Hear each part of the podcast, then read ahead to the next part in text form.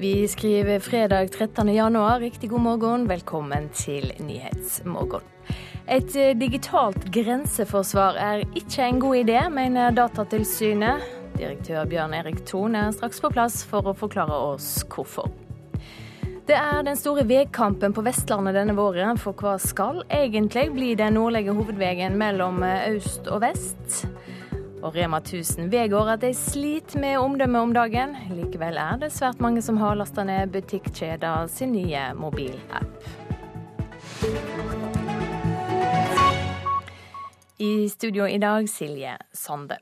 Datatilsynet sier altså nei til et digitalt grenseforsvar. Det skal direktør Bjørn Erik Thon straks få snakke litt mer om, men eh, først. Tidligere i høst gikk et utvalg ledet av Olav Lysne inn for et slikt grenseforsvar, og sa at etterretningstjenester bør få innsyn i all tele- og datatrafikk som krysser grensene til Norge. Uh, jo, digitalt grenseforsvar. Altså, Vi kjenner alle hva internettet vårt er. og Det er en innretning som tillater alle datamaskinene i landet til å snakke med datamaskiner i resten av verden. Og For at det skal kunne virke, så er det altså internettkabler som krysser landegrensene våre. Uh, de fleste går til Sverige, det går noe til Danmark og noe til England. Det sier professor i informatikk Olav Lysne. Han har ledet utvalget som fikk i oppgave å kartlegge den digitale sårbarheten i samfunnet og foreslå konkrete tiltak for å styrke beredskapen. Et av tiltakene er å etterkomme ønsket fra Etterretningstjenesten om å kunne hente ut overvåkningsinformasjon fra kablene som fører den digitale trafikken inn og ut av landet, sier Lysne. Og Grunnen til at de ønsker seg det, det er at denne strukturen den gir oss naturligvis internett, det kjenner vi til, men den gir oss også mobiltelefoni. Den styrer strømnettene våre, eh, vannforsyning til befolkningssentra.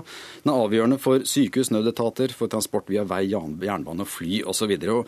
Det vi ser er at hele denne store digitale infrastrukturen som hele samfunnet vårt ligger på, den er utsatt for nærmest daglige digitale operasjoner eh, fra fremmede stater og fremmede grupperinger. Og Vi er altså tvunget til å utvikle måter å beskytte oss på, og digitalt grenseforsvar er ett svar på dette. Det er altså i hovedsak trusselen fra nettangrep og terrorisme som gjør at utvalget og Etterretningstjenesten mener at et digitalt grenseforsvar er nødvendig. Men så er det slik at det er ikke bare nordmenn som er mistenkt for noe kriminelt som kommer til å bli overvåket. Alle, absolutt alle som bruker data kommer til å bli overvåket. For som Torgeir Waterhouse, direktør for internett og nye medier IKT Norge, så beskrivende sier skal man kunne overvåke grensene og, og hindre, eller hindre å følge opp datahendelser osv., så, videre, så trenger man å følge med på trafikken. Du kan egentlig godt sammenligne det med et kamera som står og overvåker trafikken på veien. Du må filme bilene som kjører der for å kunne følge med på hva som skjer på veien. Presidenten i Norges juristforbund, Kurt A. Lier, er kritisk til slik digital overvåkning, og tror overvåkningen kommer til å ramme norske borgere. Dette er svært inngripende kommunikasjonskontroll, eh, som da baserer seg på et ikke-eksisterende mistankegrunnlag. Og det er helt naturlig og, og høyst sannsynlig at det også vil ramme norske borgere, enten de oppholder seg i Norge eller i utlandet. Men ifølge Lysne skal overvåkningen kontrolleres av en domstol. E-tjenesten kan ikke søke fritt rundt i informasjonen som finnes i kablene hvis man skal innføre digitalt grenseforsvar, så må det innføres under veldig strenge forutsetninger.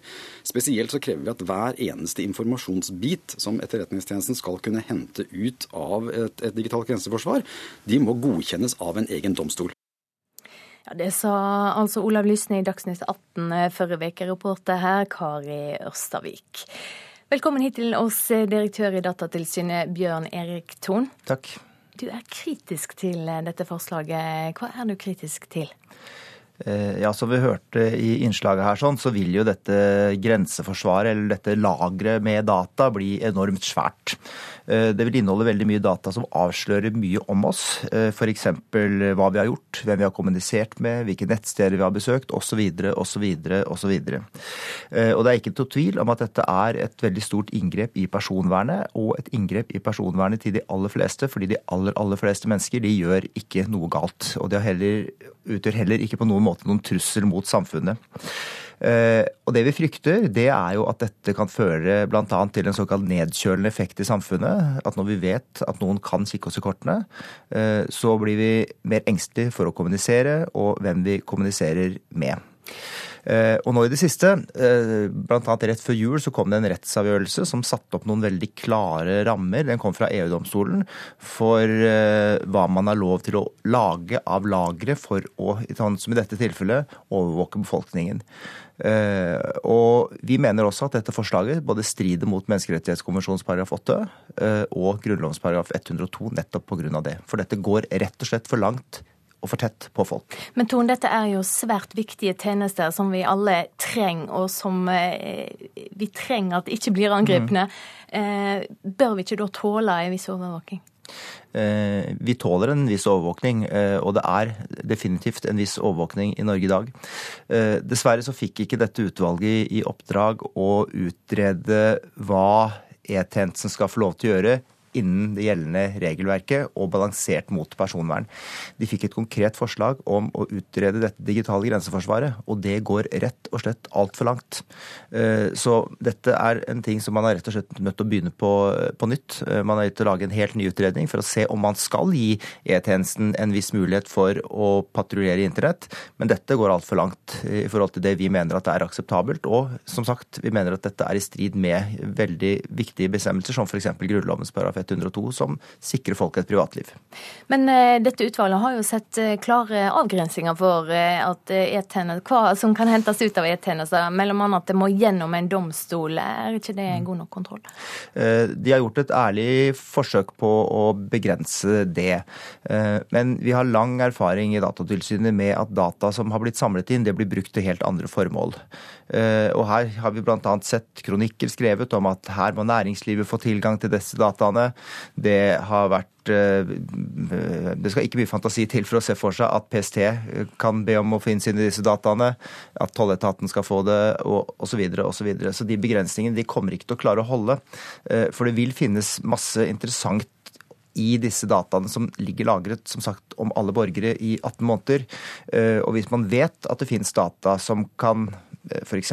avsløre et drap som kan straffe en person i disse dataene, så vil det automatisk komme et press fra f.eks. politiet om at man skal få tilgang til disse dataene. Eh, Men er kommer... personvernet viktigere enn kampen mot terror og spionasje? Eh, de siste 15 årene har jo vist at det ikke er tilfellet. For det har jo vært eh, Dette er vel den sjette eller sjuende antiterrorpakken som foreslås i Norge. Så det har jo vært helt konsekvent at det er personvernet som har tapt de siste seks-syv årene. Eh, men denne gangen så håper jeg at departementet setter foten ned eh, og sender dette tilbake til tegnebrettet. Takk for at du kom hit, direktør i Datatilsynet, Bjørn Erik Thon. Vi skal se på dagens avisframsider.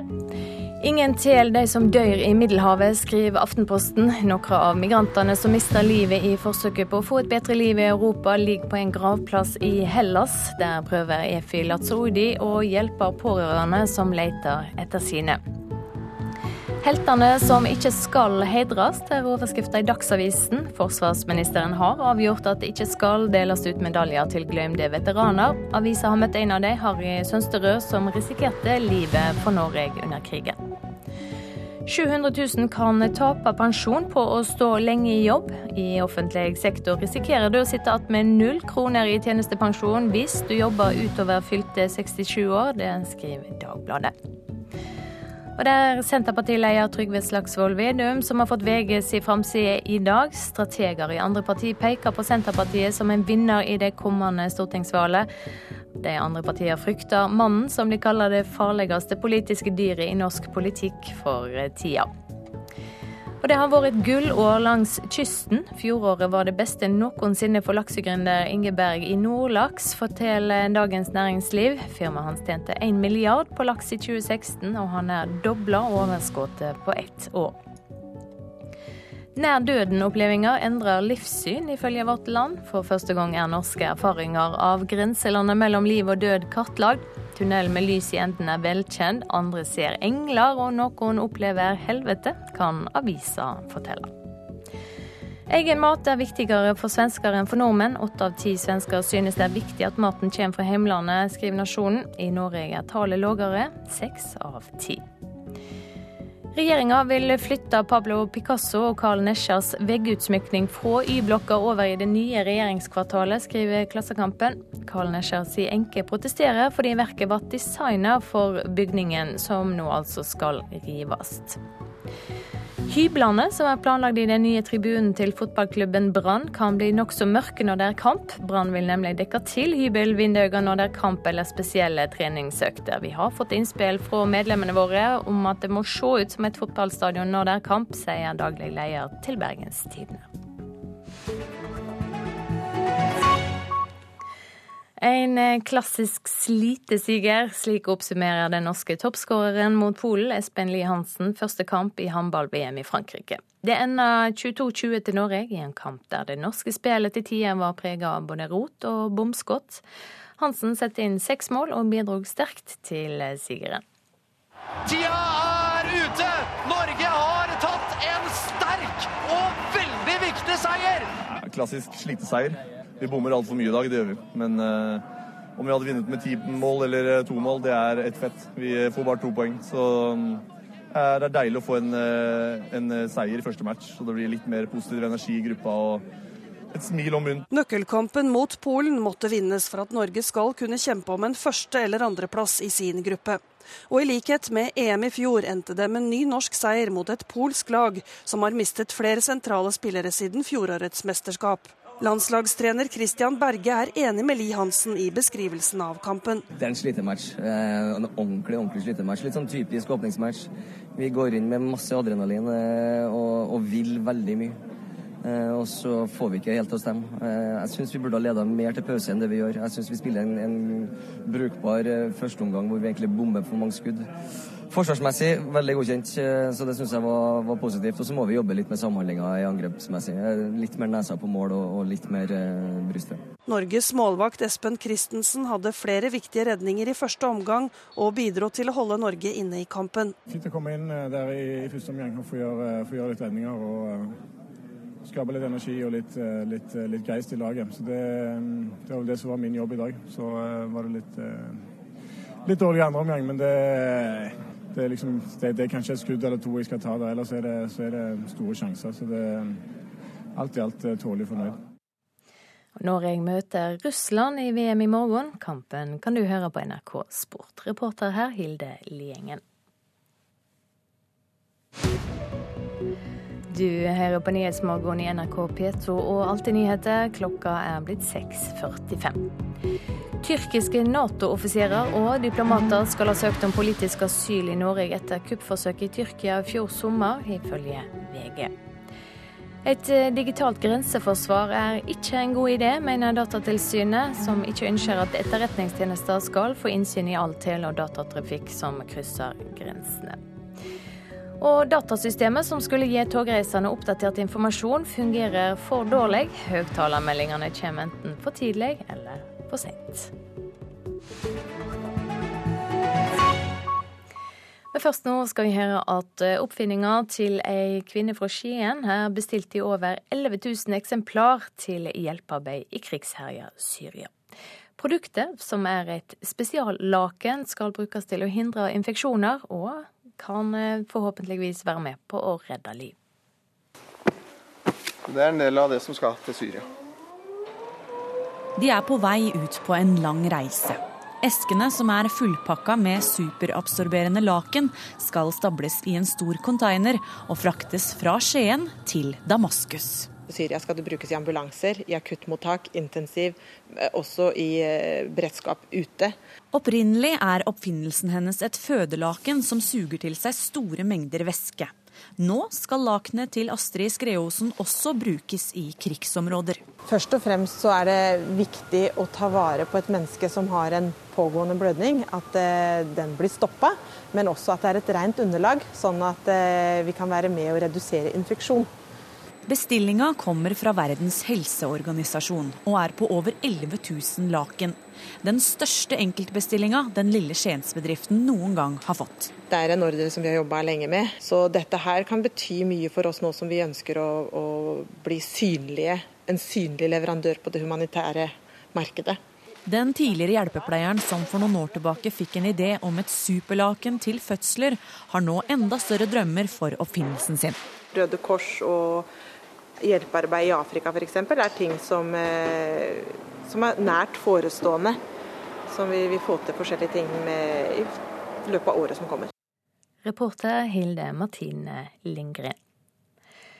Flere kommuner i Hordaland vender nå ryggen til rv. 7 over Hardangervidda. Det kan styrke sjansene for Hemsedalsfjellet til å bli den nordlige hovedveien mellom vest og øst.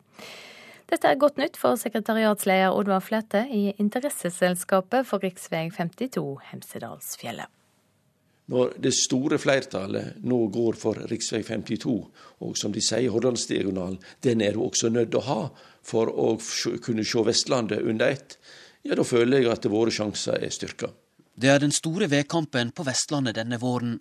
Hva skal bli den nordlige hovedveien mellom øst og vest? Riksveg 52 over Hemsedalsfjellet eller riksveg 7 over Hardangervidda? Sekretariatsleder Oddvar Flete i Interesseselskapet for Hemsedalsfjellet gleder seg over høringsfråsegnene i øst-vest-saka. I Hordaland, heimfylket til Hardangervidda, vender nemlig mange kommuner ryggen til vidda som stamvei. Det er veldig få som slutter opp om rv. 7 i, i, Hordaland. Vi er faktisk nede på et uh, folketallsdel som er på under 5 Veldig mange i Hordaland har gått inn for Hordalandsdiagonalen, som uh, de ser som en interessant sammenknytning til E134. Statens vegvesen har i to omganger vraka Hardangervidda og tilrådd at Hemsedalsfjellet skal være den nordlige hovedvegen, og der E134 over Haukeli skal være den sørlige. Her er prosjektleder Morten Ask i Vegvesenet da han la fram den siste anbefalinga i september i fjor. Den, den, viktigste årsaken er at E134 allerede er valgt, og at E134 eh, e sammen med rv. 52 betjener en størst del av Vestlandet og Østlandet. Det er sånn at uh, Hvis man hadde sett på rein Oslo-Bergen, så hadde nok rv. 7 vært det beste alternativet. Men Østlandet er vesentlig mer enn Oslo, og Vestlandet er vesentlig mer enn Bergen. Nettopp Bergen kommune har snudd i stamvegsaka. For to år siden ville storebror i vest ha rv. 7. Men nå har Bergen Høyre mista makta, og det nye styret med Arbeiderpartiet i spissen vil, som flere andre kommuner i Hordaland, heller bygge en vegarm som går diagonalt fra Bergen til Odda og som kobler seg på E134 over Haukeli. At også Hordaland fylkeskommune vraker rv. 7 over Hardangervidda, er godt nytt for Oddvar Flete og Hemsedalsforkjemperne. Begge disse går nå for diagonalen og sier at eh, det er den vi må satse på. Og du kan ikke satse på begge deler. Nei, altså det er, det er jo litt skuffende, men uh, det får vi jo bare ta inn over oss. Sier Anved Johan Tveit, ordfører i Eidfjord kommune, og styreleder i interesseselskapet Hardangervidda-tunnelene, som kjemper for vidda som ny øst-vest-stamvei. Sjøl hvor mange kommuner i Hordaland ikke peker på Hardangervidda som hovedvei, ser Tveit noe positivt i høringsfrasegnene. Vi er jo glad for at alle peker på at villreinen sine hensyn må takes hensyn til. Og ut ifra det så mener vi jo òg at da eneste muligheten for å få det til, så må vi òg ha en, en prioritert vei. Det er Stortinget som skal avgjøre denne veibataljen, trolig som en del av Nasjonal transportplan i juni. I dag er en viktig milestolpe når ei ekspertgruppe skal konkludere om Statens vegvesen sine øst-vest-utrekninger holder mål eller ikke. Og sjøl om et flertall av hordalandskommunene ikke peker på Hardangervidda, vil de heller ikke ha Hemsedalsfjellet, men derimot E16 over Filefjell. Det gjør likevel ikke Oddvar Flete urolig. Nå er det slik at de i Hordaland jobber primært for sine deler, og der er de tydelige. Og så eh, gir de signal nordover uten å legge all verdens mye arbeid i det. Det teller langt mer at 250 eh, 000 mennesker på Sunnmøre og i Sogn og Fjordane, og alle de store næringsorganisasjonene sier vi må ha rv. 52 som det nordlige alternativet. Reporter her, Noralv Pedersen. Matvarekjeder Rema 1000 vedgår at de sliter med omdømmet om dagen. Den siste halvtanna veka har Rema 1000 fått svært mye negativ omtale, og det har vært skrevet mer enn 50 medieoppslag i snitt per dag. Likevel har svært mange nordmenn lasta ned Rema 1000 sin nye app til mobil. Lanseringen av appen har vært en kjempesuksess, og det måles i 550 000 nedlastninger til nå. Det er vi veldig veldig fornøyd med. Eh, så skulle vi nok vært debatten om eh, leverandører og forhandlingene foruten. Det sier Rema 1000s direktør for kommunikasjon og samfunnskontakt Mette Fossum etter de siste dagenes mediestorm.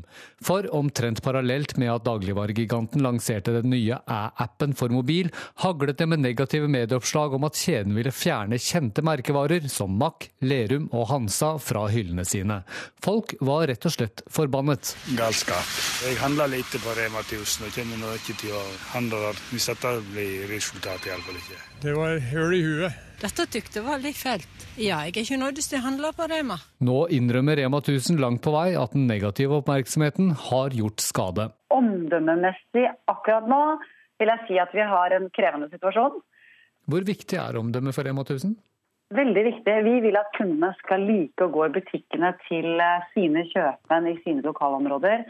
Så selvsagt er det veldig, veldig viktig for oss når man er blitt teppebombet med negative presseoppslag, så vil omdømmet antageligvis bli dårlig. Det sier rektor ved Høgskolen i Kristiania, Trond Blindheim. Han mener Rema 1000s markedsføringsstrategi har vært dårlig, og at det var en tabbe å lansere det han kaller en komplisert app. Rema 1000 har før hatt en sånn kultur og filosofi som har gått ut på at de, de sier i reklamen at det enkleste ofte er det beste. Og Plutselig så kompliserer de det hele med å lage apper som folk må laste ned på avanserte eh, smarttelefoner. De bryter så veldig med det de fra før var kjent for.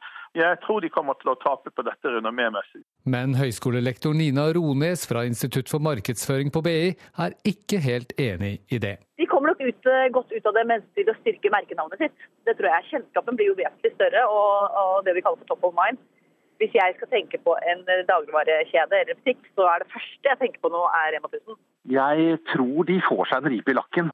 Det sier Nils Petter Norskar i Norskar kommunikasjon. Det som er Spørsmålet er om dette får noen betydning for dem omsetningsmessig, og det er jeg slett ikke så sikker på om det gjør.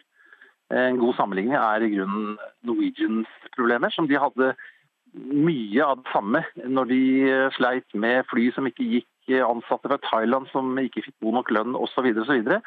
Men når vi ser på tallene, så viser det seg at dette har gått bra for Norwegian. Og jeg er ikke så sikker på om det kommer til å gå så dårlig for Rema eh, pga. dette heller. Reportere Gjermund Jappé og Petter Sommer.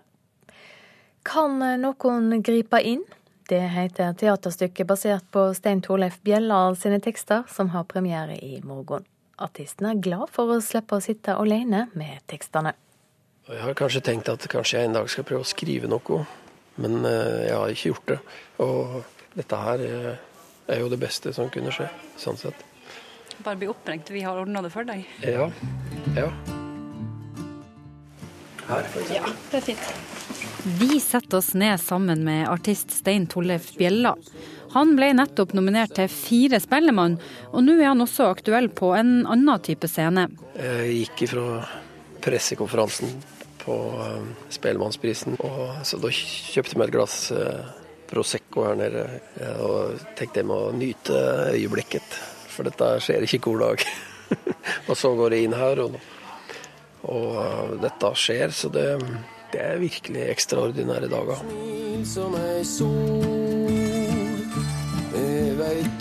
Og med her inne så mener Bjella storsalen på Det Norske Teater. For nå skal sangene opp på scenen og får både navn og ansikt. Jeg har nok tenkt liksom at jeg har litt forskjellige figurer i tekstene mine. Jeg har liksom han der som er jordsjuk, har jeg skrevet noen sanger om. Og en sånn innegubbe som, som jeg har litt eh, omsut for. Når jeg kom inn her så, og så kulissene her, så tenkte jeg at det her var veldig deg. Ja, det er litt skrotnisse. Det er sant. Det er omtrent slik jeg bor. Og handlinga den er lagt til en togstasjon. Austgane tog, som er venta inn på spor 1.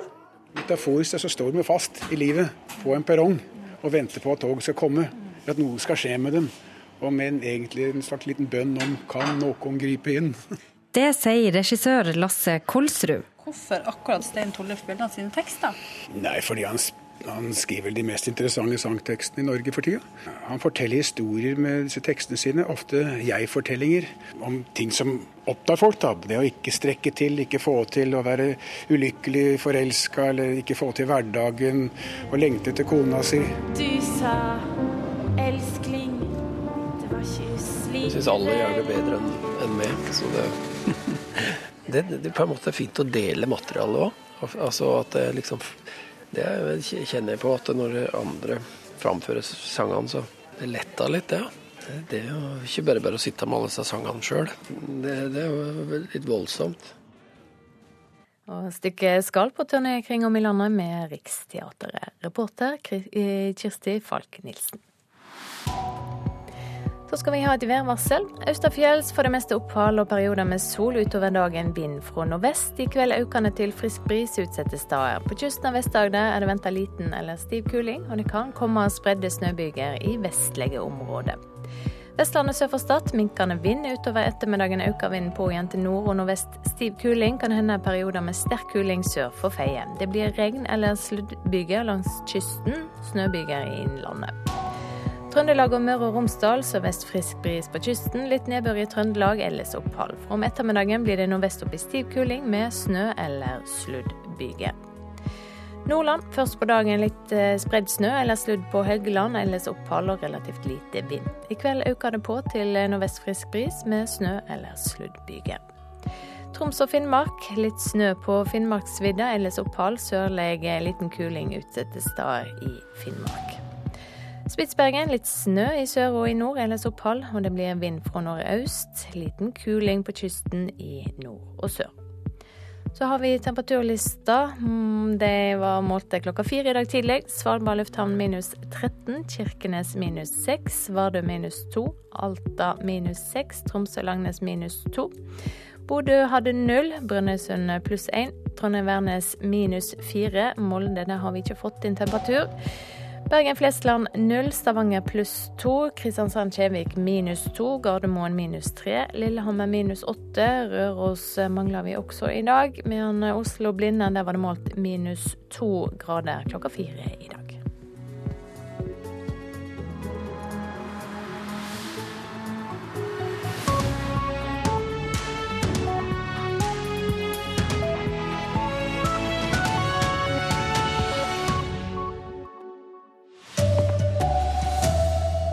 Flere venstrepolitikere vil dumpe Frp og sier ja til Arbeiderpartiet i stedet.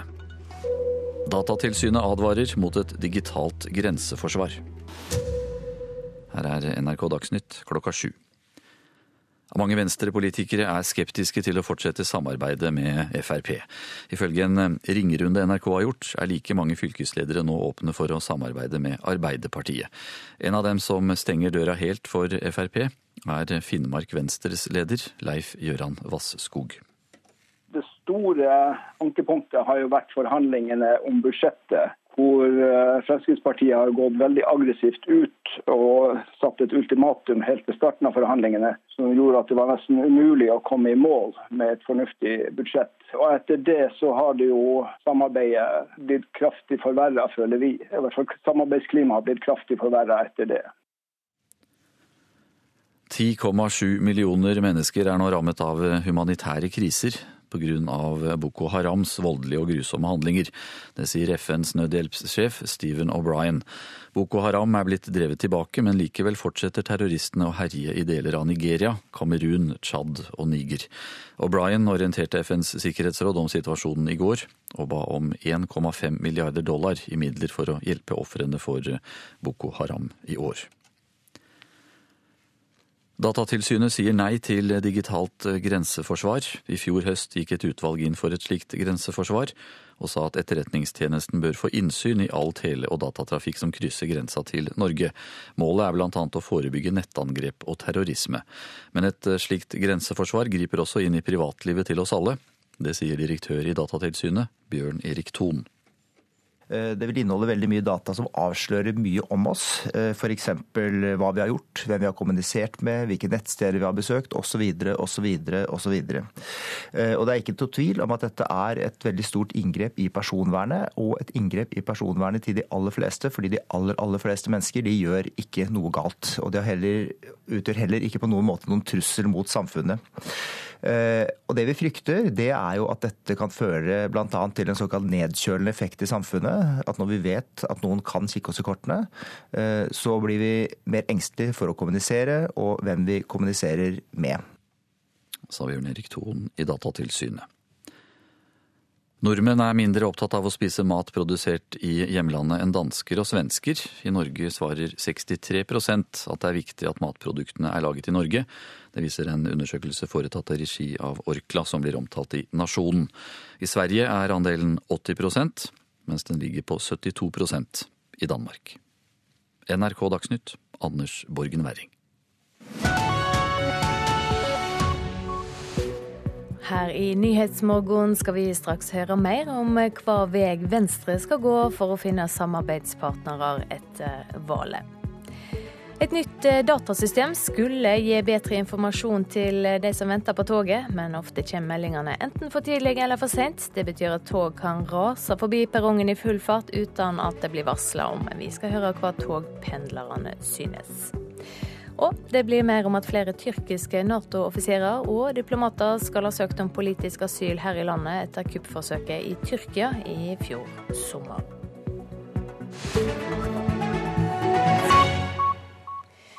Men først. Like mange fylkesledere i Venstre er åpne for å samarbeide med Arbeiderpartiet som med Fremskrittspartiet. Det viser en ringerunde NRK har gjort. Etter en turbulent høst med harde budsjettforhandlinger og nedslående meningsmålinger den siste tida, diskuterer partiet nå framtida. Det er ikke lurt å utelukke et regjeringssamarbeid med Arbeiderpartiet. Finnmark Venstres leder Leif Gøran Vasskog er blant dem som ikke ønsker seg mer samarbeid med Fremskrittspartiet etter valget.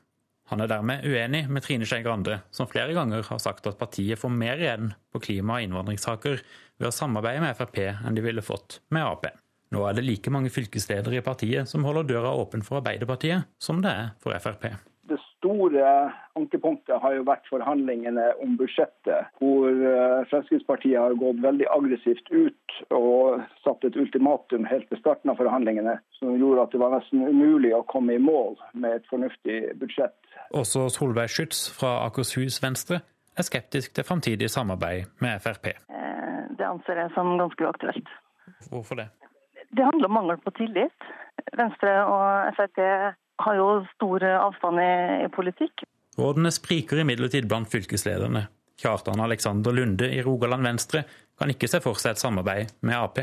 Vi ser at Arbeiderpartiet stadig har stemt imot forslag til Venstre og motarbeider mye av den politikken eh, som vi har eh, når vi har prøvd å samarbeide. Men med de blå-grønne og med borgerlig så har vi greid å få til mye bra. Det de fleste i Venstre ser ut til å være enige om, inkludert nestleder Ola Elvestuen, er at de aller helst vil ha en blå-grønn regjering uten Frp.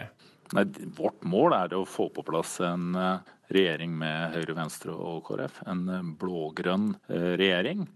Etter en turbulent høst med harde budsjettforhandlinger og nye statsråder, samt flere nedslående meningsmålinger den siste tida, ligger det flere forslag på bordet når Venstre nå diskuterer framtida. Et forslag fra bl.a. stortingsrepresentant Abid Raja om å gå inn i regjeringa Solberg allerede før valget, er det liten stemning for. Nå snakker vi først og fremst om hva vi skal få til, og det er ikke noe i situasjonen som gir noe grunnlag for å gå inn i noen regjering. Det gjør vi ikke. Det sa fylkesleder i Finnmark Venstre, Leif Gøran Vasskog, til reporter Hans Kosson Eide. Og det blir mer om Venstre i Politisk kvarter, Lilla Sølvensvik? Ja da, vi skal ta med oss Ola Elvestuen, som eh, i disse dager sitter på Soria Moria og diskuterer en slags eh, bestevennstrategi for Venstre. Eh, derfra kommer også Solveig Skytt, som er sentralstyremedlem og leder i Akershus Venstre. Hun forteller at forholdet til Fremskrittspartiet er tynnslitt. Og vi skal ha med oss fylkeslederen i Sogn og Fjordane, som mener at de iallfall ikke kan fortsette med den løsningen som de har i dag, med en samarbeidsavtale. Og så skal vi snakke om tøys og tull i Politisk kvarter i dag, for den slags er strengt forbudt i Stortinget, iallfall fra talerstolen. Men eh, du vil bli overraska over hvor mange ord og uttrykk som regnes for uparlamentariske. Vi kan høre litt sauser det hele sammen. Sauset sammen. Uttrykket 'sauset sammen' et uparlamentarisk eh, uttrykk. Så barnslig. Presidenten ville nok kanskje funnet et mer parlamentarisk uttrykk enn barnslig. Det var nesten frekt. Presidenten vil bemerke at ordet frekt er et uparlamentarisk eh, uttrykk i denne salen. Svaret til statsråden er jo fullstendig i, i tåkeheimen. Presidenten vil bemerke at uh, å karakterisere svaret fra statsråden som i tåkeheimen kanskje ikke er helt parlamentarisk korrekt. Det blir eh, mer eh, tøys og tull altså i Politisk kvarter om en drøy halvtime.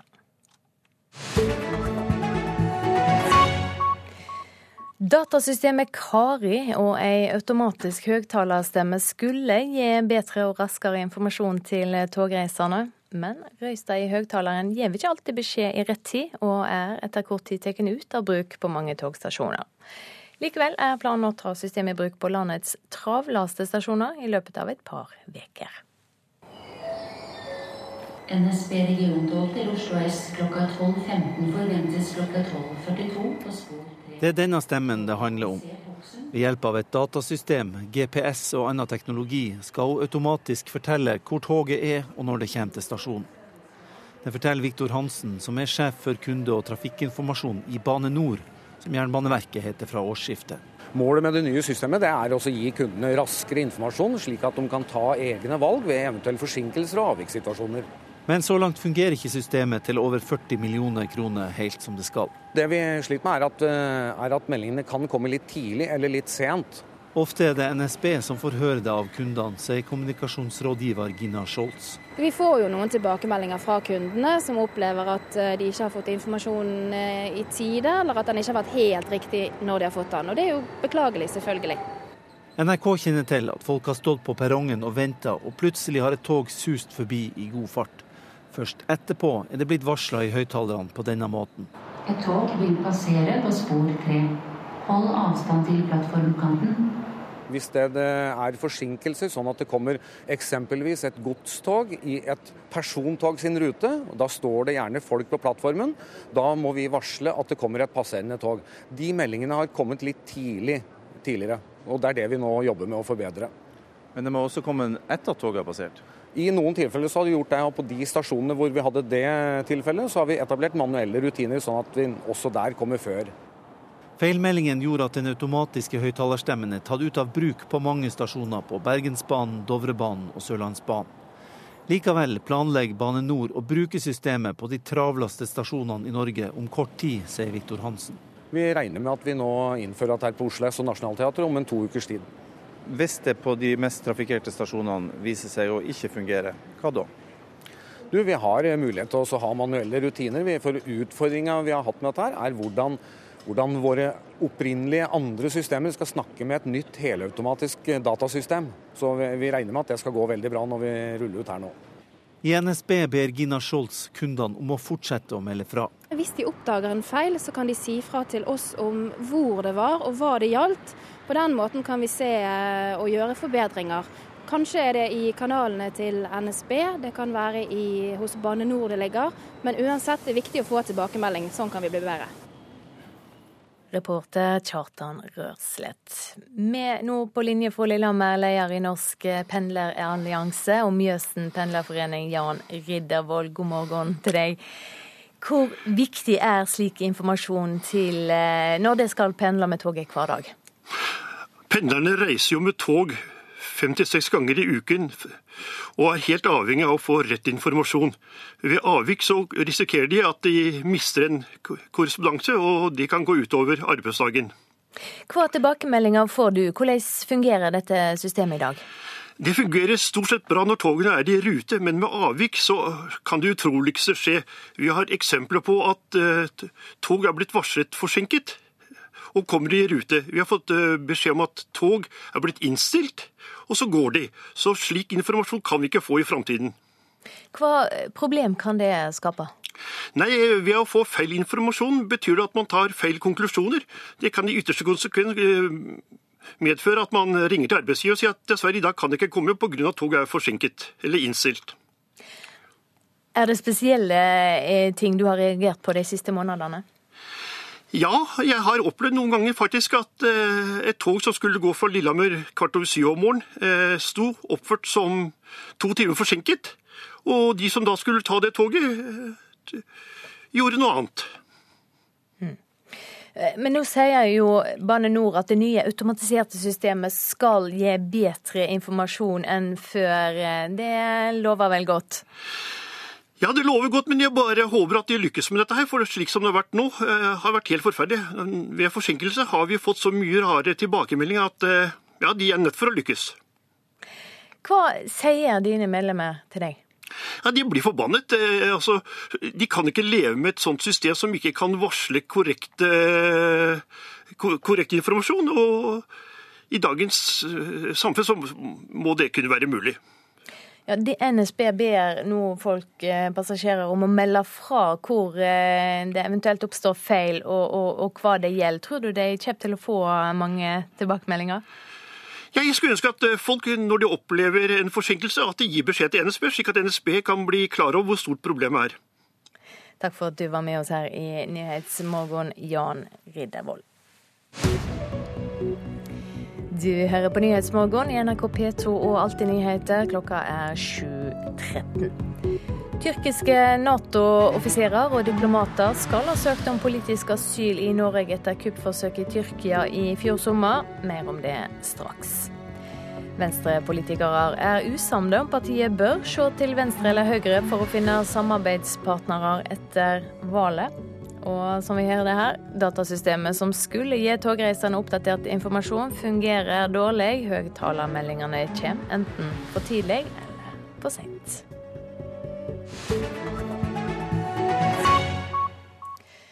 Visepresident i USA Joe Biden stadfester at han og president Obama forrige uke ble orientert om at Russland kan ha kompromitterende informasjon om påtroppende president Donald Trump.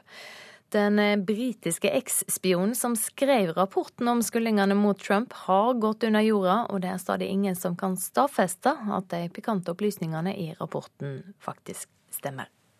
And I want to thank you all so very, very, very much.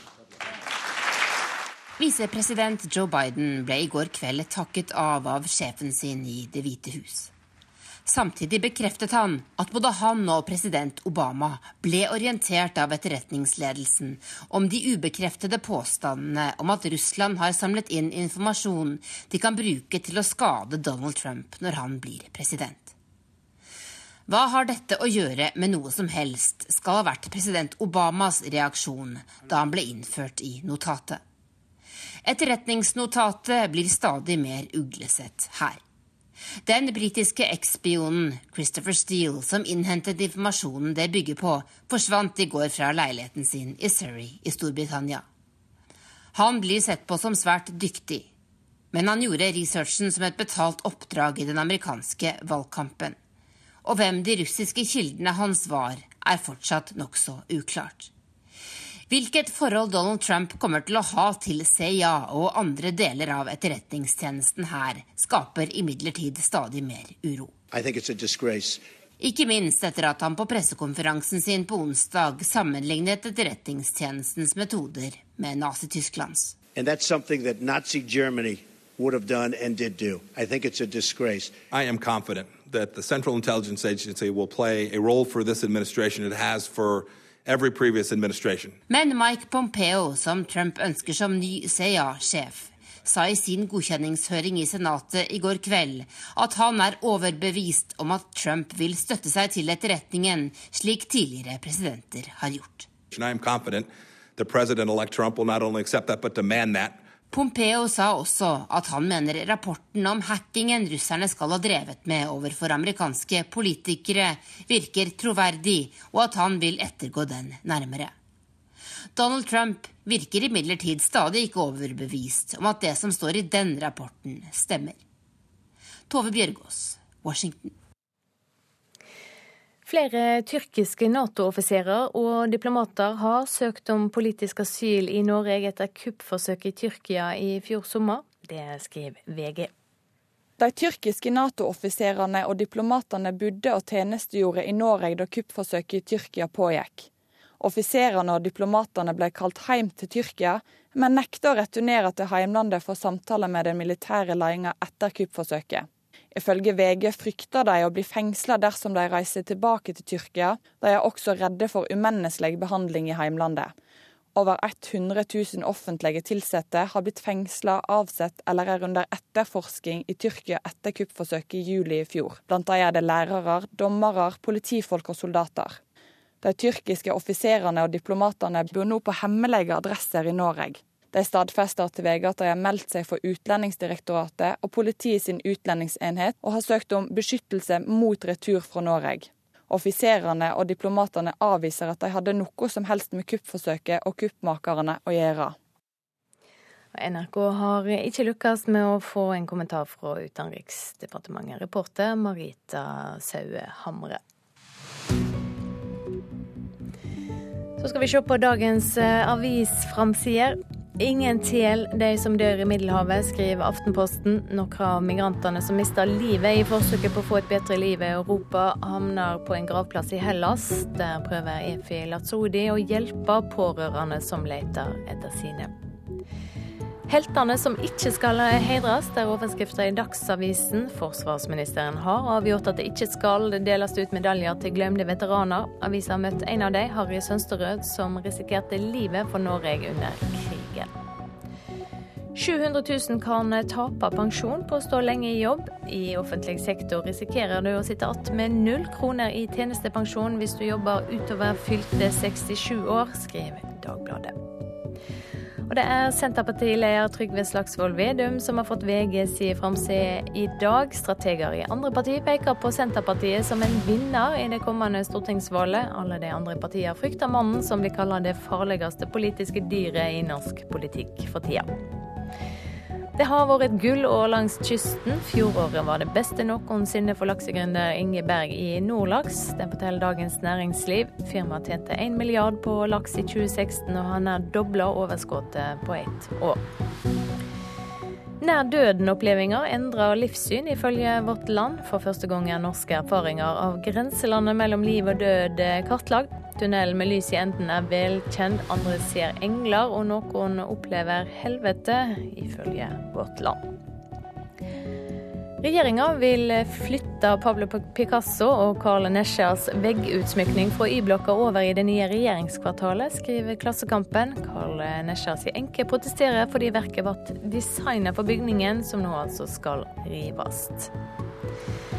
Alle kraftselskaper i Trøndelag bør samles til ei kraftkjempe, sier leder på Nord-Trøndelag Elektrisitetsverk Kristian Stav til Adresseavisen. Han tror ett stort konsern må til for å møte konkurransen fra internasjonale giganter som Apple, Google og Tesla. Stavanger venter en økning i tallet på demente med 48% Nå vedtar kommunen en ny plan med 31 tiltak som skal gi demente hjelp tidligere, forteller Stavanger Aftenblad. Og Ei kvinne ble forsøkt drepen på sitt eget rom på sykehjemmet i Vågsbygd. Personalet fikk stoppa en medpasient i siste liten, skrev Fedrelandsvennen. Politiet har starta etterforsking.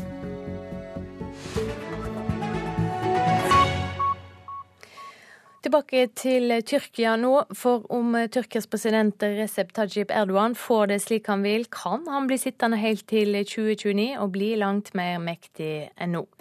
For noen diskuterer det tyrkiske parlamentet en grunnlovsendring som går ut på å avskaffe statsministerposten og gi mer makt til presidenten. Opposisjonen frykter at det nye forslaget til grunnlov er første steg på veien mot diktatur. I dag begynner vi på en av de viktigste debattene i Tyrkias historie. Debatten om å endre Tyrkias grunnlov. Det sa Bulent Toran fra regjeringspartiet AKP i parlamentet tidligere i uken. Men i går brøt ut slåsskamper mellom folkevalgte fra opposisjonspartiet CHP og regjeringspartiet AKP mens de nye lovforslagene ble diskutert. For ikke alle er enige om at endringene som foreslås vil styrke demokratiet. Opposisjonen tror Tyrkia vil ligne mer på et diktatur enn et demokrati. Opposisjonspartiet CHP mener at regjeringspartiet AKP forsøker seg på en revolusjon, og at målet er å endre republikken Mustafa Kemal Atatürk skapte i 1923. Deres forslag innebærer regimeendring. Dette er en motrevolusjon mot det parlamentariske demokratiet og det republikanske systemet som ble grunnlagt 23.4 i 1923, sa Øsker Øssel fra CHP i debatten. Forslagene til grunnlovsendring går også ut på å fjerne statsministerstillingen og legge hans makt til presidenten og visepresidenten. Det største paradokset her er at vi har en statsminister som forsøker å overbevise oss parlamentarikere om dette lovforslaget, slik at han selv kan bli fjernet, la Ødsel til. Min stilling er ikke så viktig, sa statsminister Benali Gildrim. Det bør ikke være to kapteiner på én båt, la han til, med et håp om å kunne bli visepresident. Regjeringspartiet AKP mener at disse endringene er det rette for Tyrkia nå.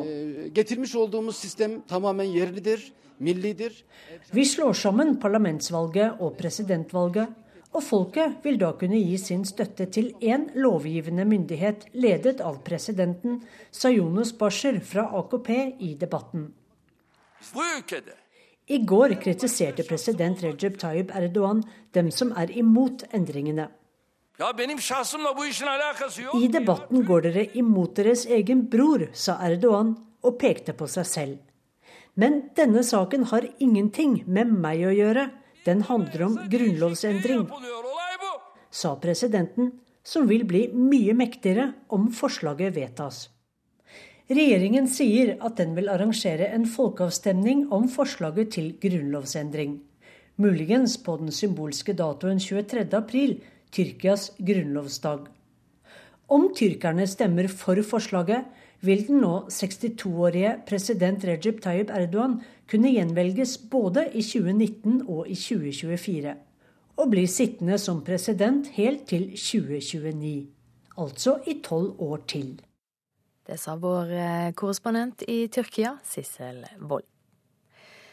Noe av det siste avtroppende president i USA, Barack Obama, gjør før han går av, er å sette sluttstrek for praksisen som gir cubanere automatisk oppholdsløyve i USA. Og styresmakten på Cuba ønsker tiltaket velkommen. Se elimina un detonante de crisis migratorias. En eksplosiv immigrasjonskrise elimineres, sier Josefina Vidal, som leder Utenriksdepartementets avdeling for USA-saker i Havanna. Nå får USA en trygg og lovlig immigrasjon, mener hun, og en konsekvent immigrasjonspolitikk som gjelder alle land i regionen. Se pone fin a una política de doble rasero discriminatoria hacia los emigrantes de otros países. I månedsvis har det blitt forhandlet, og det siste døgnet har USA med øyeblikkelig virkning fjernet praksisen som startet på 1960-tallet og ble formalisert under Bill Clinton. En praksis som gir cubanere automatisk oppholdstillatelse med eller uten visum om de dukker opp på amerikansk territorium. Cuba har i årevis forsøkt å få til en endring, og kunngjøringen fra Det hvite hus kom uten varsel for å unngå at flere tusen cubanere ville legge ut på flukt til USA før tidsfristen. Også et program som gir cubanske leger og sykepleiere jobbopphold, fjernes. Havanna har også vært imot denne praksisen, fordi den angivelig tapper landet for ekspertise. Hvert år har den amerikanske kystvakta fanget opp flere tusen cubanere som har forsøkt å krysse de 14 milene som skiller kommuniststaten fra Florida. Blir de stanset før de ankommer amerikansk territorium, sendes de tilbake, men alle cubanere som kommer seg i land ulovlig, også via Mexico, har fått lov til å bli. Det er nærmere to millioner cubanske amerikanere i USA i dag, deriblant de profilerte presidentkandidatene Marco Rubio og Ted Cruz. President Obama har arbeidet for å normalisere forbindelsene med Cuba. Han har besøkt øya og gjenopprettet den diplomatiske kontakten. Handel og reiserestriksjoner fra amerikansk side er også i stor grad fjernet. Endringen i immigrasjonspolitikken kommer en drøy uke før Donald Trump overtar roret i Det hvite hus.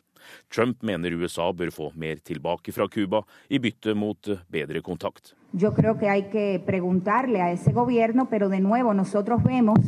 Det cubanske utenriksdepartementet inntar en vent-og-se-holdning til Trump.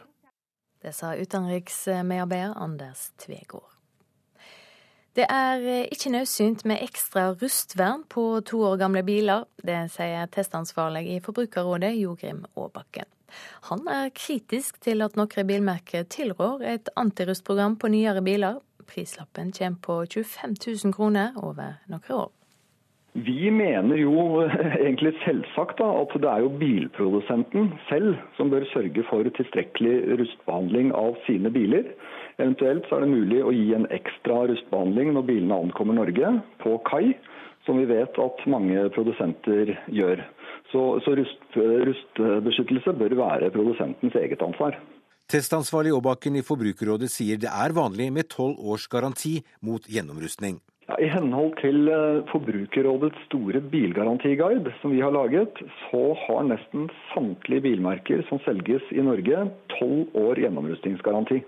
Aabakken tviler på at biler får en merverdi, selv om man rustbeskytter den hvert tredje år, som antirustverksteder anbefaler. Men sånn generelt så kan vi si det at um, vi tviler på om antirustbehandling gir en gjennomsnittlig bruktbil noe særlig økt annenhåndsverdi. Forbrukerrådet får støtte av Norges Automobilforbund. Teknisk konsulent Audun Bergerud i NAF ville selv bare fulgt det rustbeskyttelsesprogrammet som fabrikken anbefaler. Jeg ville vel da kanskje utgangspunktet egentlig bare sett på den rustgarantien det merket måtte ha. og så da, klart Hvis det kanskje er, er på tolv år, eller noe, så er det relativt lenge. og det er klart eh, Du bytter kanskje da når bilen er fem-seks år. og Da tjener du ikke noe penger for å si det sånn, på også da følge noe annet program. Fordi at Du vil jo ikke få igjen da noe flere tusen kroner du selger bilen når den er fem-seks år, fordi at du sier at de har foretatt behandling. Formann i Aust-Agder bilbransjeforening Dag Rekdal sier det ikke er noe krav om ekstra rustbehandling på nyere biler for at garantien skal gjelde. Nei, ikke for at uh, rustgarantien skal uh, overholdes. Men hvorfor gjør man dette da? Nei, Dette er vel et sånn tilleggsprodukt man tenker kan være bra å gjøre her oppe i Norge, hvor vi har spesielle klimautfordringer og forskjellig. Men uh, det er som sagt ikke noe krav om at dette skal gjøres for at eh, garantien skal ivaretas. Reporter her, det var Kjell Pedersen. Anders Borgen Werring er straks klar med Dagsnytt i hovedsending denne morgenen. Etter det, om vel ti minutter, skal vi til Brasil. Der har blodige fengselsopprør preget staten på det nye året. Produsent for Nyhetsmorgen i dag, Kari Bekken Larsen. Her i studio, Silje Sande.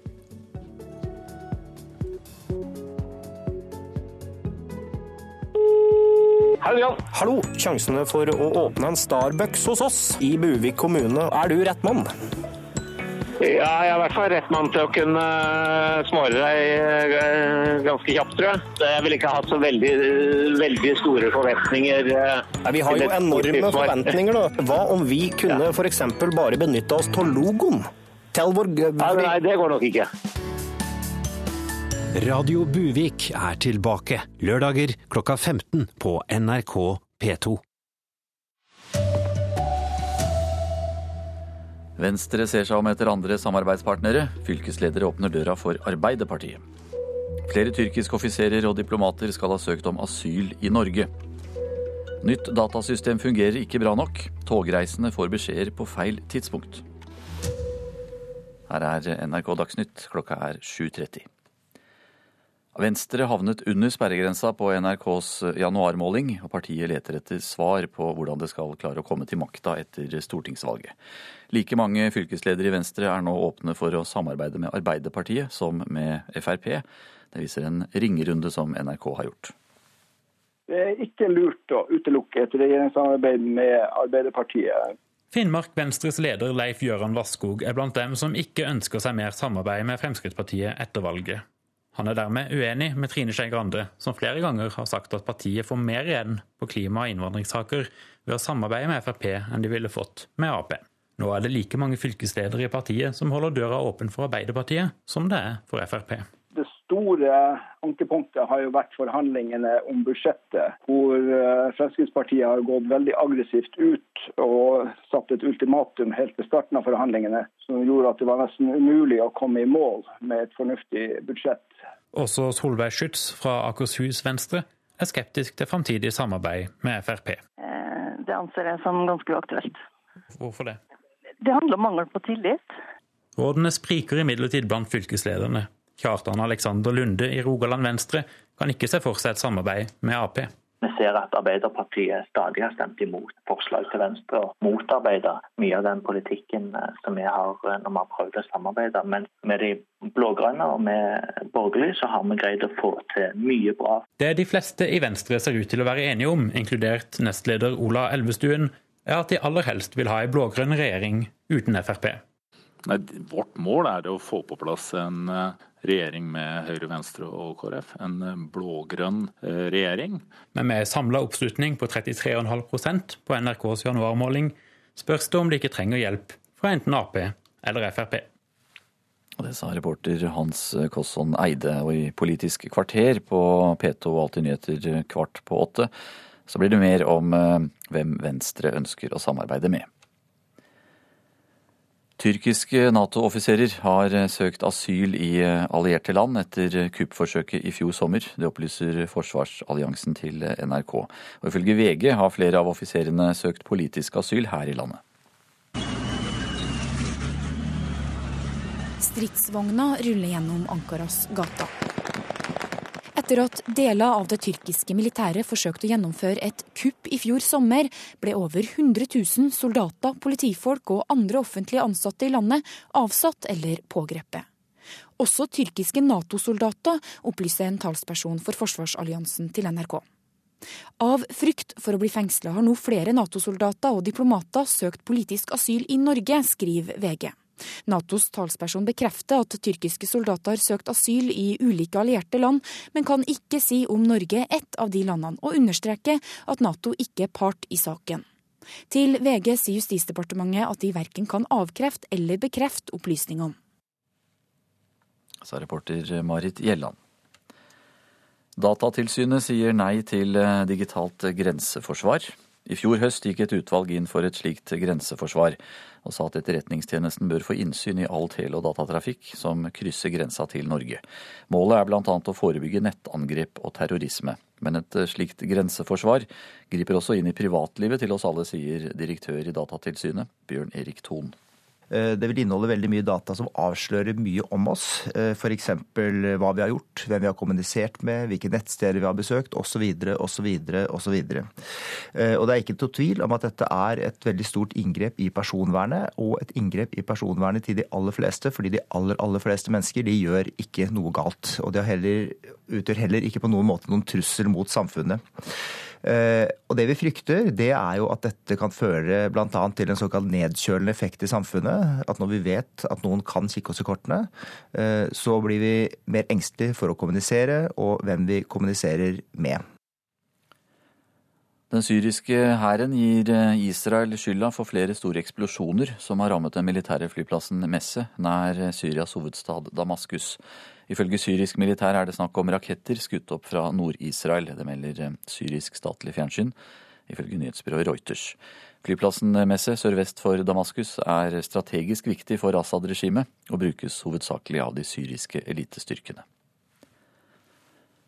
Både finanstilsynsdirektør Morten Baltersen og visesentralbanksjef Jon Nikolaisen advarer om at det kan komme et brått fall i boligmarkedet. De to finanstoppene er ifølge Dagens Næringsliv bekymret over den voldsomme prisveksten i boligmarkedet de siste månedene.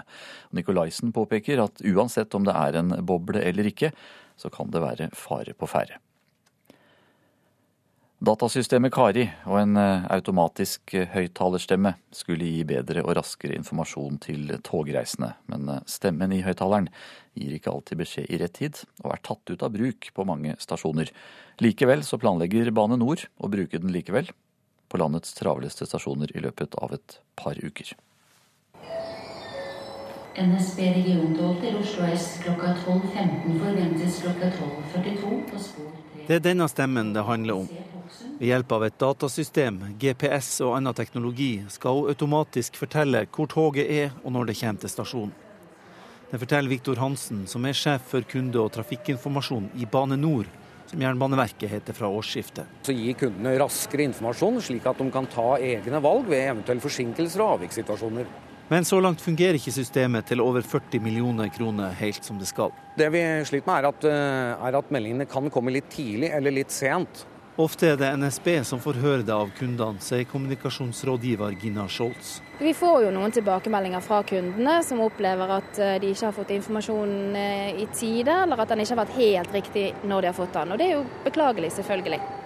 NRK kjenner til at folk har stått på perrongen og venta, og plutselig har et tog sust forbi i god fart.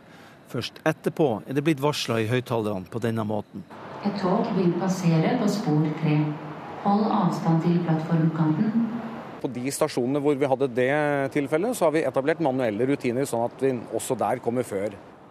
Feilmeldingen gjorde at den automatiske høyttalerstemmen er tatt ut av bruk på mange stasjoner på Bergensbanen, Dovrebanen og Sørlandsbanen. Likevel planlegger Bane Nor å bruke systemet på de travleste stasjonene i Norge om kort tid. Vi regner med at vi nå innfører dette her på Oslo S og Nationaltheatret om en to ukers tid. I NSB ber Gina Scholz kundene om å fortsette å melde fra. Hvor det var og hva det gjaldt. På den måten kan vi se eh, og gjøre forbedringer. Reporter her, det var eh, Kjartan Røslett. En klassisk sliteseier. Ja, slik eh, oppsummerer Norges toppskårer mot Polen, Espen Lie Hansen, første kamp i håndball-VM i Frankrike. Det endte 22-20 til Norge, i en kamp der det norske spillet til tider var preget av rot og bomskudd. Men Lie Hansen satte inn seks mål, og bidro sterkt til seier. Tida er ute! Norge har tatt en sterk og veldig viktig seier! Klassisk sliteseier. Vi bommer altfor mye i dag, det gjør vi. Men uh, om vi hadde vunnet med ti mål eller eh, to mål, det er ett fett. Vi får bare to poeng. Så uh, det er deilig å få en, en, seier i første match, så det blir litt mer positiv energi i gruppa. og et smil om munnen. Nøkkelkampen mot Polen måtte vinnes for at Norge skal kunne kjempe om en første- eller andreplass i sin gruppe. Og i likhet med EM i fjor endte det med en ny norsk seier mot et polsk lag som har mistet flere sentrale spillere siden fjorårets mesterskap. Landslagstrener Christian Berge er enig med Li Hansen i beskrivelsen av kampen. Det er en slitematch. Eh, en ordentlig ordentlig slitematch. Litt sånn typisk åpningsmatch. Vi går inn med masse adrenalin eh, og, og vil veldig mye. Eh, og så får vi ikke helt til å stemme. Jeg syns vi burde ha leda mer til pause enn det vi gjør. Jeg syns vi spiller en, en brukbar førsteomgang hvor vi egentlig bomber for mange skudd.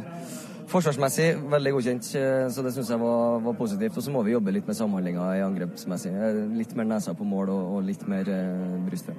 Norges målvakt Espen Christensen hadde flere viktige redninger i første omgang, og bidro til å holde Norge inne i kampen. Fint å komme inn eh, der i, i første omgang og få gjøre, få gjøre litt redninger. og skape litt energi og litt, litt, litt geist i laget. Så det, det, var det som var min jobb i dag. Så var det litt, litt dårlig andre omgang, men det det er, liksom, det, det er kanskje et skudd eller to jeg skal ta der, ellers er det, så er det store sjanser. Så det er alt i alt eh, tålelig fornøyd. Reporter her, Hilde Liengen. Og Norge møter Russland i VM i morgen. Kampen den kan du høre på NRK Sport fra klokka 17.45. Erlend Rønneberg har ansvaret for NRK Dagsnytt i dag. Jeg heter Anders Borgen Werring.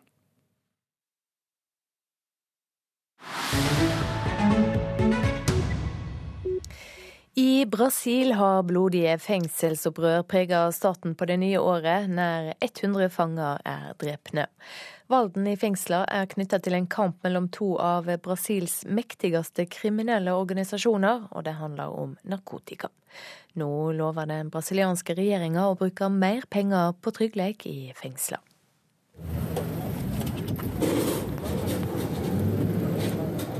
Et brasiliansk TV-team filmer en makaber hendelse foran et fengsel i Boa Vista, hovedstaden i delstaten Roraima helt nord i Brasil.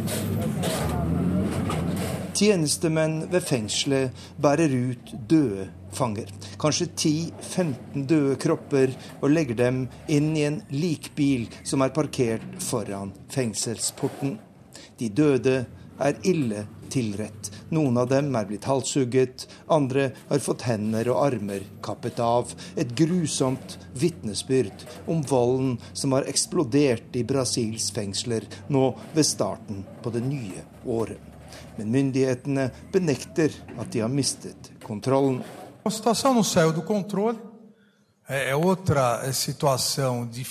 Situasjonen er ikke ute av kontroll, men vi er på ny vitner til dramatiske hendelser i Brasils fengsler, sier justisminister Alexandre Gemorais. Det startet i Manaus i Amazonas på første nyttårsdag. Mens hundrevis av pårørende var på nyttårsbesøk, satte en gruppe innsatte i gang en ren massakre mot sine medfanger. Voldsorgien i Anisio Jobin-fengselet varte i 17 timer. Og da politiets spesialstyrke endelig fikk kontroll, var nærmere 60 fanger døde. Flere av dem var blitt halshugget, og kroppene deres kastet over fengselsmuren og ut på gata. Fortvilte pårørende sto hjelpeløse foran fengselsporten mens massakren pågikk. Siden nyttår er nærmere 100 fanger drept i fengselsopprør, den verste voldsbølgen i brasilianske fengsler på 25 år.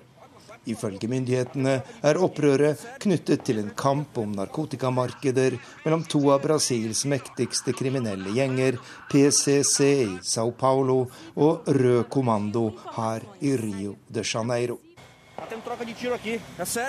Mer enn 600 000 mennesker sitter i fengsel her i Brasil. De fleste av dem er unge, svarte menn. Bare USA, Kina og Russland har flere mennesker i fengsel. Og selv om Brasils regjering lover å legge penger på bordet for å bedre forholdene i landets overfylte fengsler, så er ikke alle i landets maktelite like bekymret over at de innsatte tar livet av hverandre. Man burde drepe flere. Det burde være et slikt masseslakt en gang i uken, sier Bruno Julio, som er politisk sekretær for ungdomsspørsmål i den brasilianske regjeringen. Bruno Julio ble tvunget til å gå av etter at intervjuet ble offentliggjort, men han har støtte fra mange her i Brasil, og fangenes kår har ingen høy prioritet hos brasilianske myndigheter. Det sa reporter Arnt Stefansen. Du hører på Nyhetsmorgen. Klokka nærmer seg 7.45. Venstre-politikere er usamde om partiet bør se til venstre eller høyre for å finne samarbeidspartnere etter valget. Tyrkiske Nato-offiserer har søkt asyl i allierte land etter kuppforsøket i fjor sommer. Flere offiserer og diplomater skal ha søkt om asyl her i landet, ifølge VG. Et nytt eh, datasystem skulle gi bedre informasjon til de som venter på toget, men ofte kommer meldingene enten for tidlig eller for sent. Det betyr at tog kan rase forbi perrongen i full fart uten at det blir varsla først.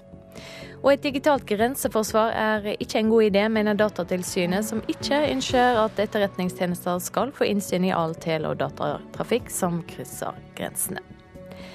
Nå er det klart for Politisk kvarter. Programleder er Lilla Søløsvik.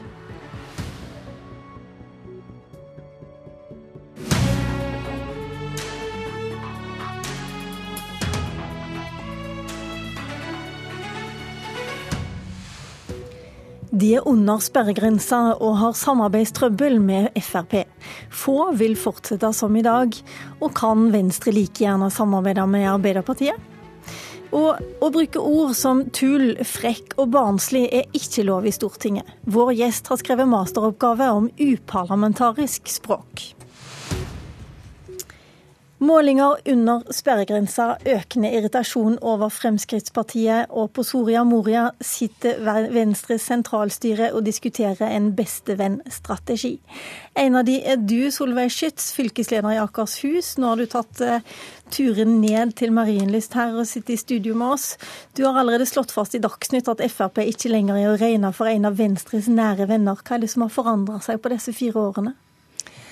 Jeg mener at Det er veldig viktig at Venstre holder fast på at vi ønsker en blå-grønn regjering. Vi ønsker en regjering som består av eh, Høyre, og Venstre og KrF. Det er der vi kan få mest politisk gjennomslag. Eh, og Det mener jeg fortsatt skal være våre bestevenner. Eh, og Når det gjelder Frp, så mener jeg at det er uaktuelt med et fortsatt samarbeid. og Det handler om mangel på tillit. Hvorfor er det uaktuelt? Altså, er, det, er det samarbeidsavtalen i dag som er uaktuell, eller er det å gå i regjering med de? Jeg mener at både en samarbeidsavtale og et regjeringssamarbeid er uaktuelt. Og hva er det som har skåret seg? Når skar det seg?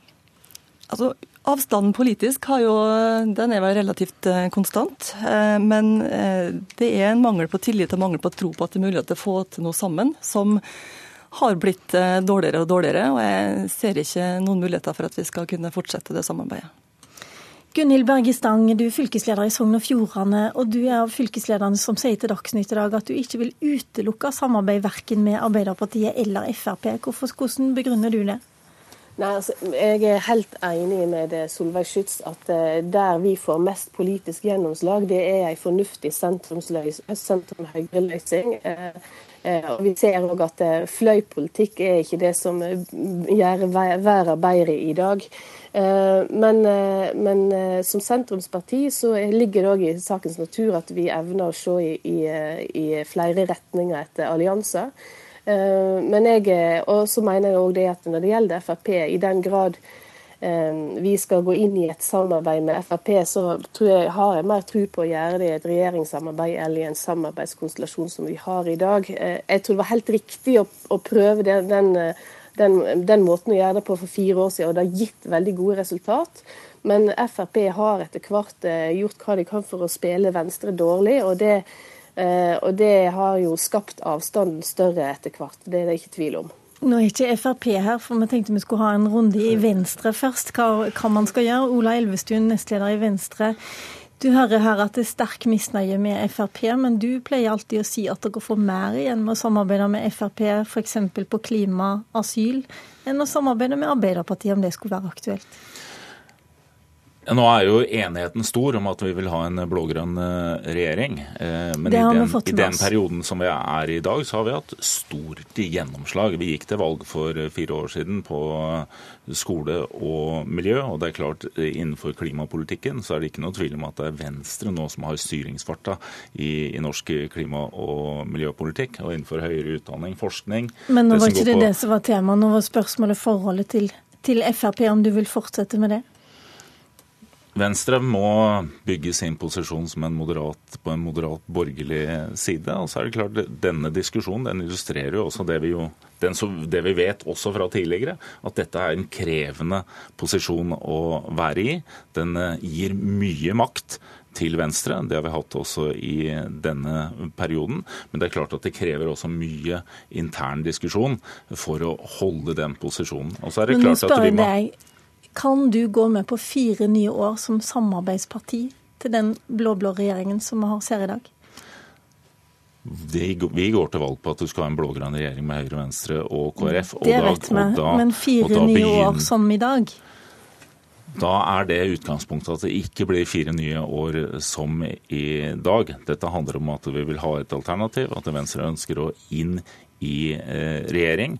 Vi, vi, må nå finne formuleringer i partiet som plasserer oss på den moderate borgerlige side. Det er en trygg plassering. Og så tror jeg alle kjenner dilemmaene innenfor den situasjonen. Og så var det neste spørsmålet som du ikke svarte på. Det var om du får like mye igjen av samarbeidet med Frp som du ville fått hvis du skulle samarbeide med Arbeiderpartiet? Det er fire partier på borgerlig side, og på det som er våre hovedtemaer, så får vi mer igjennom på borgerlig side enn det du ville fått på den andre siden. Det er ingen tvil om at særlig miljø- og klimapolitikken, høyere utdanning, har vi store gjennomslag. Den største motstanderne mot, det, mot de tiltakene vi kommer med, har jo vært eh, stort sett i Senterpartiet og Arbeiderpartiet. Tror ikke du noe lenger på det, Gunhild Berge Stang, at du får mer igjen med samarbeidet med Frp enn med Arbeiderpartiet, siden du åpner for samarbeid med Arbeiderpartiet også? Nei, altså Det gjenstår jo å se, det. Uh, og det, Mitt poeng er jo at jeg i utgangspunktet er åpen for, uh, for uh, for å, samarbeide der vi får mest gjennomslag. Eh, så får vi jo se hva som eventuelt skulle komme fra, fra Arbeiderpartiet, hvis de ønsker å fri til oss, hva, hvordan de vil gi oss gjennomslag. Men jeg tror òg, som Ola er inne på, at det, den, de beste løsningene de finner vi det moderate, på den moderat borgerlige side. Eh, så og, og vi er, ikke, ikke, minst i forhold til næringspolitikk og de, de utfordringer som landet vårt står, for, står fremfor nå med å omstille oss til, til nye næringer og til å ha en aktiv næringspolitikk for, for småbedrifter og gründere Eh, og andre Jeg tror ingen, ingen, som hører på er i tvil om at Venstre helst vil i regjering med Høyre og Kristelig Folkeparti. Bare som har slått det fast. Mm. Men så er det sånn at akkurat nå så er det 33,5% på meningsmålingene.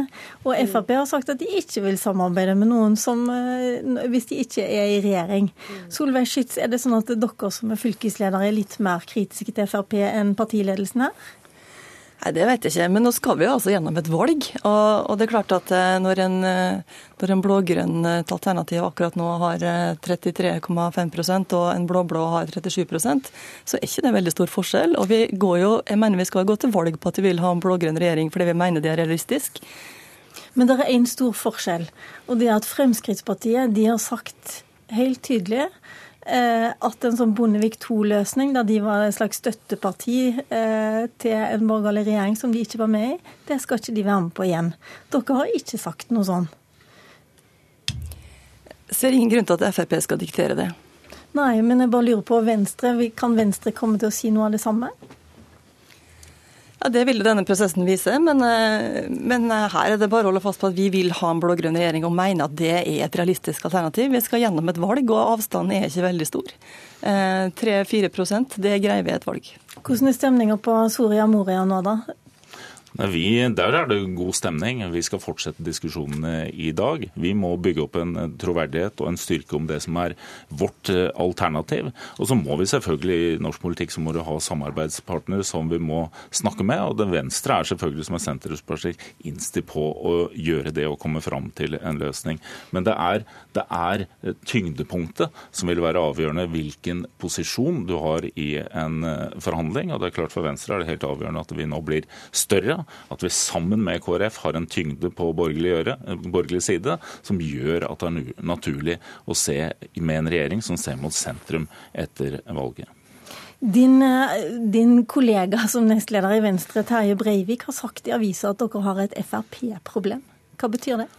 Det er klart at eh, med de uttalelsene, med de holdningene som er i en del eh, statsråder fra Fremskrittspartiet, så er det klart at det utfordrer eh, mange liberale medlemmer i Venstre, og er en sånn konstant irritasjonsfaktor. Eh, og Det er klart at det er et problem for hele samarbeidet. For oss så gjør det at vi må ha enda større gjennomslag.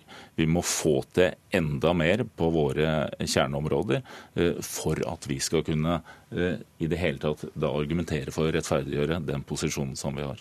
Gunhild Bergestang, hvordan forklarer du at like mange fylkesledere i Sogn og Fjordane nå peker på Arbeiderpartiet som på Frp? Eh, når det er snakk om man skal, hvor man skal hente flertall?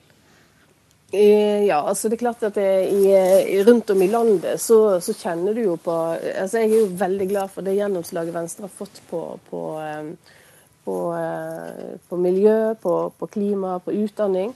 Men det er klart at vi, vi, har flere områder som har vært utfordrende å stå i, ikke minst i forhold til distriktspolitikken. Og jeg tror nok mange kjenner på det kjenner på, på, eh, på, de utfordringene som eh, Frp og Høyre byr på når det gjelder distriktspolitikk. Eh, og der er jo også jeg. Jeg må innrømme at da syns jeg er, er, utfordrende å stå i. Men, men jeg, men for meg handler det om at vi som et sentrumsparti i utgangspunktet skal være i stand til å, å søke løsninger i, i, flere retninger. Men når det gjelder et stabilt regjeringssamarbeid, så har jeg mest tro på et, et moderat borgerlig alternativ. Vi kan rett og slett bare ønske Venstre lykke til videre med å finne ut hvem de skal godsnakke med fram til valget i 2017, eh, og ikke minst hvem de skal snakke med etterpå. Takk til Ola Elvestuen, takk til Solveig Schytz, og takk til deg i Sogn og Fjordane, Gunhild Berge Stang. Da skal vi rett og slett endre tema, for vi skal over til tøys og tull på Stortinget, som selvfølgelig er strengt forbudt, i likhet med veldig mye annet som regnes som uparlamentarisk språkbruk slumser sammen fakta og påstander. Presidenten er litt usikker på om 'slumse sammen' er et parlamentarisk uttrykk. Molbopolitikk. Presidenten vil bare bemerke at molbopolitikk er et uparlamentarisk uh, uttrykk. Så barnslig? Presidenten ville nok kanskje funnet et mer parlamentarisk uttrykk enn barnslig. Det var nesten frekt. Presidenten vil bemerke at ordet frekt er et uparlamentarisk uttrykk i denne sal. Med respekt å melde var det tull. Presidenten ville nok eh, kanskje brukt et mer parlamentarisk uttrykk enn tull. Ja, Mari Finstad Berg, ved siden av å blogge om fotball og være sentralstyremedlem i SV, så har du skrevet masteroppgave om uparlamentarisk språk i Stortinget. Og tull er altså ikke lov å si. Hvorfor det? Nei, Tull er på liksom topp tre over uh, ting som blir reagert på. Uh, og det er nok, altså Reglene i Stortinget sier at fornærmende og upassende tale ikke er tillatt. Og da vil jeg jo tenke at tull faller da inn under ting som er fornærmende, fordi du egentlig sier at det andre driver med er dumt, uintelligent, uh, at folk ikke er kompetente nok. da rett og slett. Mm. Men ja, eh, og Hva er grunnen til at det må være såpass strengt som det der? De jeg har snakka med, sier jo at det handler om å ivareta den parlamentariske verdigheten. At man ønsker en saklig debatt. Men det er klart at det norske Stortinget er veldig mye strengere enn f.eks. det britiske parlamentet, da, som har mye friere tøyler når det kommer til språkbruk. Vi kan godt høre litt på hvordan det foregår i Storbritannia også. Mr. Bryant, you are now an esteemed member of Her Majesty's Opposition Shadow Cabinet. Calm down. Bit of yoga would help. Very good to see the Labour Party in full voice cheering on Jurassic Park. Ja, mens tull og frekt eh, er veldig Eller er ord som det klubbes på, eller som, som det får anmerkning på i eh, Norge, så gjør man også ikke det i Storbritannia. Eh, nei, de har en helt annen debattkultur enn det vi har i, i Skandinavia. De har altså noen regler. Eh, det er først og fremst at du har ikke lov til å anklage andre for å ljuge i det britiske parlamentet. Det er veldig strengt. Så istedenfor å si at noe er løgn, så sier du at det er fiction, da, f.eks. Eh, og det finner jeg også i Stortinget, at anklager om uærlighet, altså løgn, bløff, eh, juksemaker, pipelort, tar igjen og gir bort, den type ting blir slått ned på ganske konsekvent i Stortinget. Men eh, du har lest stortingsreferater fra 1998 og fram til 2014. Mm. Har det vært noe utvikling? Er det liksom mer som er lov nå enn før, eller er det akkurat det samme? Altså, den perioden er såpass kort at det er mye av det samme. Det som hadde vært interessant, er f.eks. sammenligne i dag med 30-tallet. Jeg tror f.eks. ikke at ord som corny og one night stand dukka opp i, i, stortingsreferatene da, eh, men det ser man at blir eh, slått ned på nå, da. Men ja, corny er jo et av de ordene som ble slått ned på. Det sa Heikki Holmås eh, i SV at det var vel kanskje litt strengt. Ja. Og fikk streng korrekt tilbake fra presidenten at dette var det ikke enhver stortingsrepresentant som bestemte. Det var nemlig opp til presidenten mm. selv. Det er jo presidenten som skal tolke det her. sant? Og upassende og fornærmende er jo kjempesubjektivt. Så hva du syns er fornærmende, kan det være noe helt annet enn det jeg syns er fornærmende. Eh, så det hender, jeg ser at det hender at stortingsrepresentantene utfordrer eh, presidenten, og da blir de ja, tatt hardt i øra. Eh, men det jeg også ser, er at nettopp SV og SV og Frp er jo overrepresentert. altså Det er de som oftest får kjeft for, for, språkbruk. Så det kan jo være at fløypartiene kanskje har en litt mer liberal holdning da, til språkbruk i salen. Hjertelig takk skal du ha, Mina Finstad Berg. Din masteroppgave ligger sikkert på nettet. Jeg må også si tusen takk til tante Ping, som har satt sammen eh, disse klippene fra YouTube. Vår tid er omme i Politisk kvarter i dag. I programlederstudio satt Lilla Sølhusvik.